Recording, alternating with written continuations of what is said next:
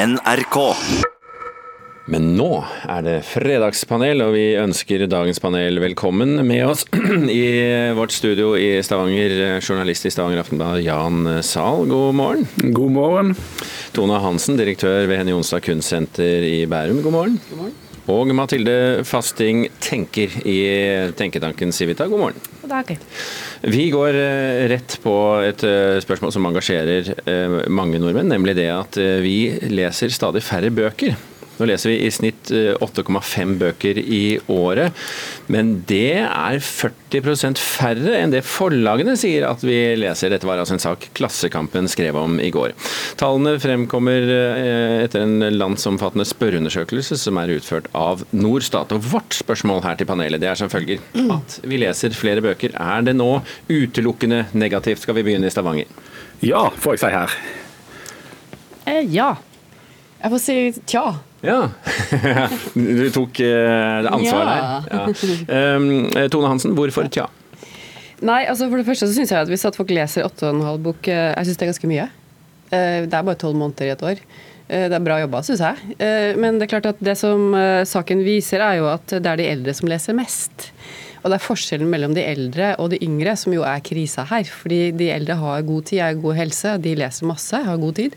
Mens de unge mellom 14 og 19 de leser ikke bøker. Og da har vi jo en generasjon som ikke får med seg noen gode lesevaner. Det er krise. Mm. Er det de du sikter til også, Jan Sahl? Ja, for hvis det er sånn at folk leser færre bøker, og de bruker jo tradisjonelt sett færre av de tradisjonelle mediene, hvis du ser på tidsbruksundersøkelse på mediebruk, så må du jo se på hva gjør de da istedenfor. Og Det unge folk istedenfor gjør, det er jo å eh, se på levende bilder. Eh, de ser uh, da altså ikke nødvendigvis på Brennpunkt, men de ser på YouTube og de ser på Netflix. altså De strømmer utenlandsk innhold. og Det er veldig dårlig nytt både for det norske språket og for det norske demokratiet og for ganske mange store ting. Og Hvis du slutter å lese bøker, så kan det jo gå så galt at du til slutt blir president i USA. Har du nå blitt veldig gammel, Jan Sahl? Ja, det var akkurat det. Jeg høres ut som jeg var 1000 år. Men, men, men, men, jeg må bli litt gammel akkurat på vegne av det norske språk. For vi er jo veldig få her. altså. Det finnes jo så få folk som bruker norsk at du kan få det inn i en middels stor by en eller annen plass ute i verden.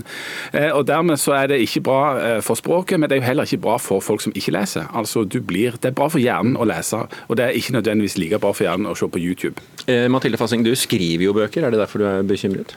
Ja, det er ikke nødvendigvis for at folk skal lese mine bøker, akkurat. Men jeg tror det er inne på noe som er litt viktig, og det er at jeg tror lesing i seg selv og lesing av en bok gjør noe med hvordan du tar til deg kunnskap. Hvordan du reflekterer og hvordan du opplever boken og, og teksten. Og det er viktig for hjerneutvikling og viktig for, for, for læring, rett og slett. Så jeg er litt spent på Bjørn Gabrielsen, som er um, også forfatter og litt av hvert. Han kommer nå med en bok som skal se på nettopp det vi var inne på her i Stavanger. altså Hva er digital, altså hva gjør dette digitale med de unge, som er riktig som undersøkelsen viser, de leser ikke. Så, så jeg er spent på hva han kommer til å si. og jeg er jo spent på hva Tone sier om dette med visuell kommunikasjon, siden du er direktør ved et kunstmuseum, for øvrig også kunstner selv. Skulle ikke du være veldig glad for at barn og unge går mer i retning av visuell kommunikasjon?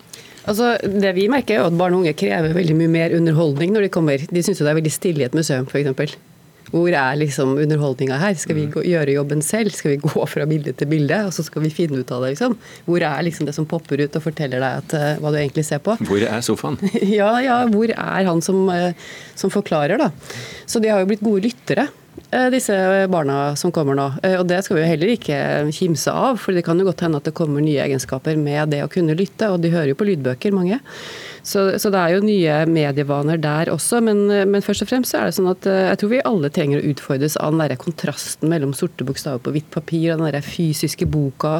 Jeg havner i hvert fall mye mer tilbake til den, og hvordan vi skal klare å kommunisere hvor fint det er å lese. Det er jeg litt spent på. Mm. Jan Sahl, kan ikke dette være en sånn sleggebevegelse som nå har beveget seg i den ene enden, og nå skal den tilbake i den andre? Så ungdommen i fremtiden kommer til å lese masse? Jo, Det er jo lov å håpe, men det er jo ingenting som tyder på det. Så det blir mer ønsketenkning, vil jeg tro. Men altså, de, det er klart at de unge som da har en annen mediebruk, de vil jo få en annen type kompetanse. Og de kommer sikkert til å bli eh, hele og fulle og fine mennesker, de òg. Men jeg unner de for deres egen generasjons del å òg lære seg dette med lesing. There's no such thing as too many books. Nei. Det sier du til en person som har altfor mange bøker. det sier til en person som holder på å flytte. ok, vi bytter tema. Hertugen og hertuginnen av Sussex, Harry og Meghan, de varslet i går at de ikke orker mer av den viraken og oppmerksomheten de får i Storbritannia. Nå sier de fra seg sine kongelige oppgaver, og så flytter de delvis til Canada, og så skal de være litt i Storbritannia fremdeles. Harry beskylder pressen for å gjøre det samme som Meghan, som de i sin tid gjorde mot hans mor prinsesse Diana. Og spørsmålet vårt er enkelt. Har ikke britisk presse lært noen ting av Dianas død? Eh, Nei. Nei. Nei. Nei. Skal vi begynne med Mathilde Fasting? Ja, jeg kan uh, si at jeg har tilbrakt julen med å både se på The Crown og lese denne digre boken til Hovelstaden dronning Elisabeth, gitt til meg av mine kolleger, som sikkert ville at jeg skulle bli monarkist og ikke republikaner, tenker jeg. Så jeg skulle liksom lese hele denne boken, og det har jeg gjort. også. Jeg har skrevet en, en spalte om det. Den er ikke publisert ennå, men der kan dere jo gjette på hvor jeg ender hen. Om jeg er det ene eller det andre. Men Tipper at du fremdeles er republikaner. ja. ja, du får se, du får se. Men i hvert fall, eh, det som er viktig der, er at denne balansegangen de har mellom å være kongelige og eh, det å være personlig eller ville gjøre de tingene som nå disse her vil, det er veldig tydelig en kjempevanskelig greie for for kongehuset. Dess mer moderne tid blir, dess vanskeligere blir den der balansegangen. Og dette her nå, hvor de eh, gjør én ting som jeg tipper er det som i hvert fall i kongehuset har vært verst for, for dem, det er nettopp det at de ikke har sagt noen ting på forhånd. At ikke de har avtalt eller liksom planlagt hvordan de skulle gjøre dette. De bare går ut og gjør det. Og eh, Det er nok en ny omdreining i, i, i saken.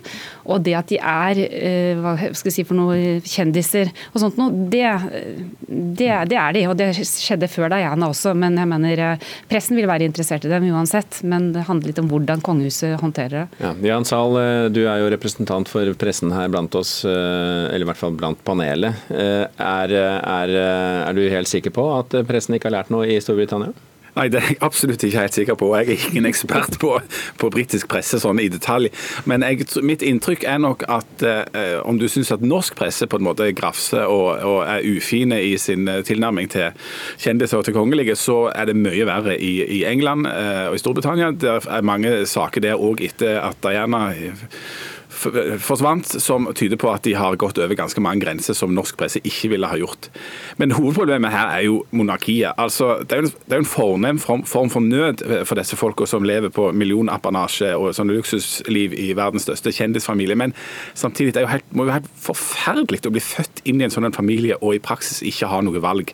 Altså å bli eh, en del av noe som du aldri har bedt om å bli en del av, og så risikere at du får hele pressen og hele landet som skal følge med på deg. Det, jeg forstår godt at de vil flytte til Canada og gjøre et eller annet. Mm. Er det det også for deg, Tone Hansen? Nå merker jeg at jeg stilte spørsmål om pressen, men både Mathilde og Jan er veldig opptatt av eh, følelsene til Harry og Meghan.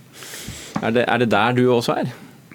Ja, mm, eh, jeg tenker at det er eh, Nå er ikke han noe tronarving uansett, så jeg kan godt forstå at han vil eh, stake ut sin egen kurs og sette agendaen for sitt eget liv, og det gjør han jo faktisk, da.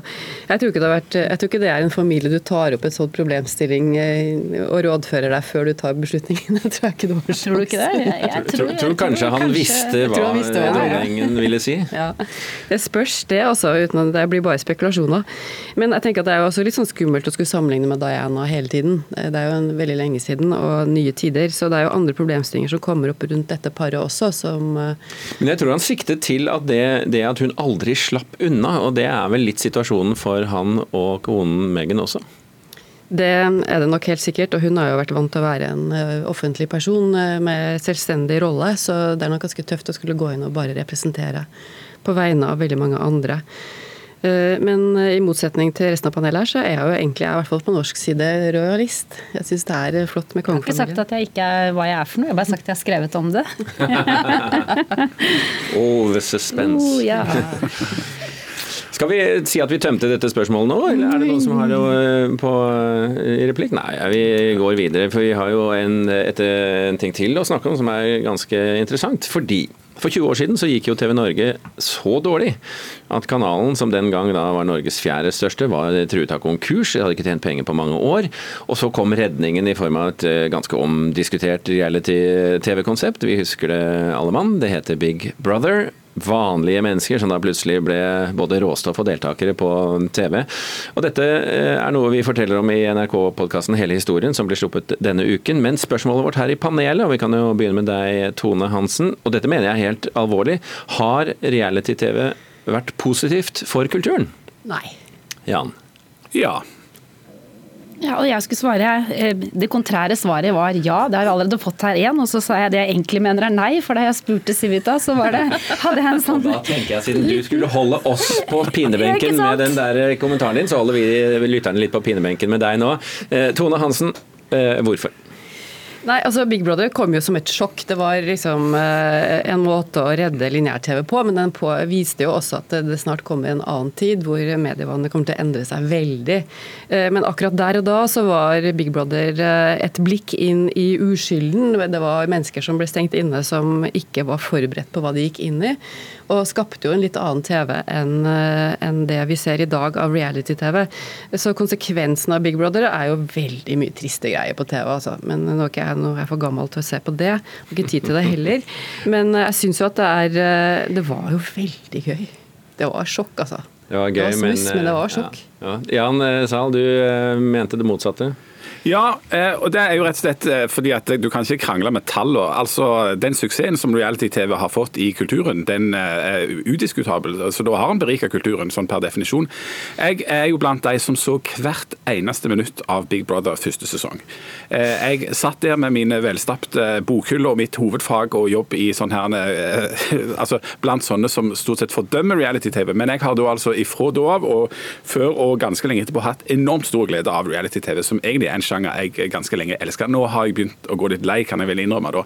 Men, eh, men det beriker jo kulturen med veldig veldig mange timer av mitt liv har jeg brukt på å se eh, folk innestengt der, eller på en eller annen gård i TV 2-regi, eller på en eller annen paradisisk øy Nei, ikke Paradise Island, men Robinson. Det har jeg likt veldig godt. Og 71 grader nord, ikke minst. Ja. Ja, altså, Civita Pollen ga fem nei og fire ja. Og så var det en som sa Og Du må forklare Civita Pollen, du har rett og slett gjort en spørreundersøkelse i, i, ja, på kontoret? Ja, ja, så ble det det. Og så ble det Farmen. Det var Norge Rundt på speed. Han var skikkelig, det, det var en som likte det. Og så fikk jeg høre ubekreftede rykter om at Torbjørn Røe Isaksen, som jobbet i Sivta for mange mange år siden, lite grann, altså han, minister, ja, eh, han var rett og slett eh, ganske hekta for Paradise Hotel. Oi, oi. Så det snakket de om i lunsjen da. Så det var liksom sånn, litt sånn Begynte med veldig moralsk forfall, og dette er veldig dårlig og sånn. Og så var det argumenter om demokratisering, og dette her passet jo veldig fint på TV, og det var veldig ålreit å bare sitte og følge med på reality-TV. og det var plutselig plutselig mange gode argumenter for hvorfor dette var bra. Så Men nå har du egentlig bare sitert alle de andre, men ja. hva syns du selv? Jeg var, var liksom på det der, egentlig mener jeg nei-svaret, og så kanskje egentlig mene litt ja òg. Ja, men hva, er i så fall berikelsen, da, eh, annet enn at det er gøyalt å se på? Jeg tror kanskje folk identifiserer seg eh, med altså, Hvis de klarer å gjøre det bra, så, så kan det jo være ganske ålreit for folk å, å, se på for at ting er vanlig. Rett og slett at uh, dette her er noe som ikke er stilt opp og rart og staged, og selv om det mm. sikkert er litt det likevel. Altså er det jo det, men... fordi det er jo bare staged. Det er liksom Det må vi ikke vite så så mye om. Ja, men det vet vi jo nå. Og når vi da vet at folk leser mindre bøker og ser mer på reality-TV, så mener jeg virkelig at reality-TV har ødelagt kulturen. Men hvordan hadde det vært, Tone Hansen, hvis ja. Eh, dere stengte ti eh, malerkunstnere inne på Galleriet Håken i en måned, ga dem alt de trengte av alkohol og maleutstyr, og filmet det hele? Hvordan ville det vært? Det hadde vært morsommere å vært live til stede, tror jeg, og kjent på hvordan det lukta og eh, hva som utvikla seg på i alle mulige sanser, tror jeg.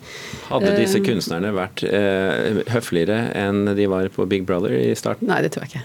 Jeg tror det hadde gått like gærent med de som med andre. Men eh, kunsten hadde ikke blitt så veldig god av det, tror jeg. Fordi kunsten må jo bli til i, i dialog med samfunnet. Så hvis kunsten hadde vært stengt inne, så tror jeg det hadde blitt ganske kjedelig kunst.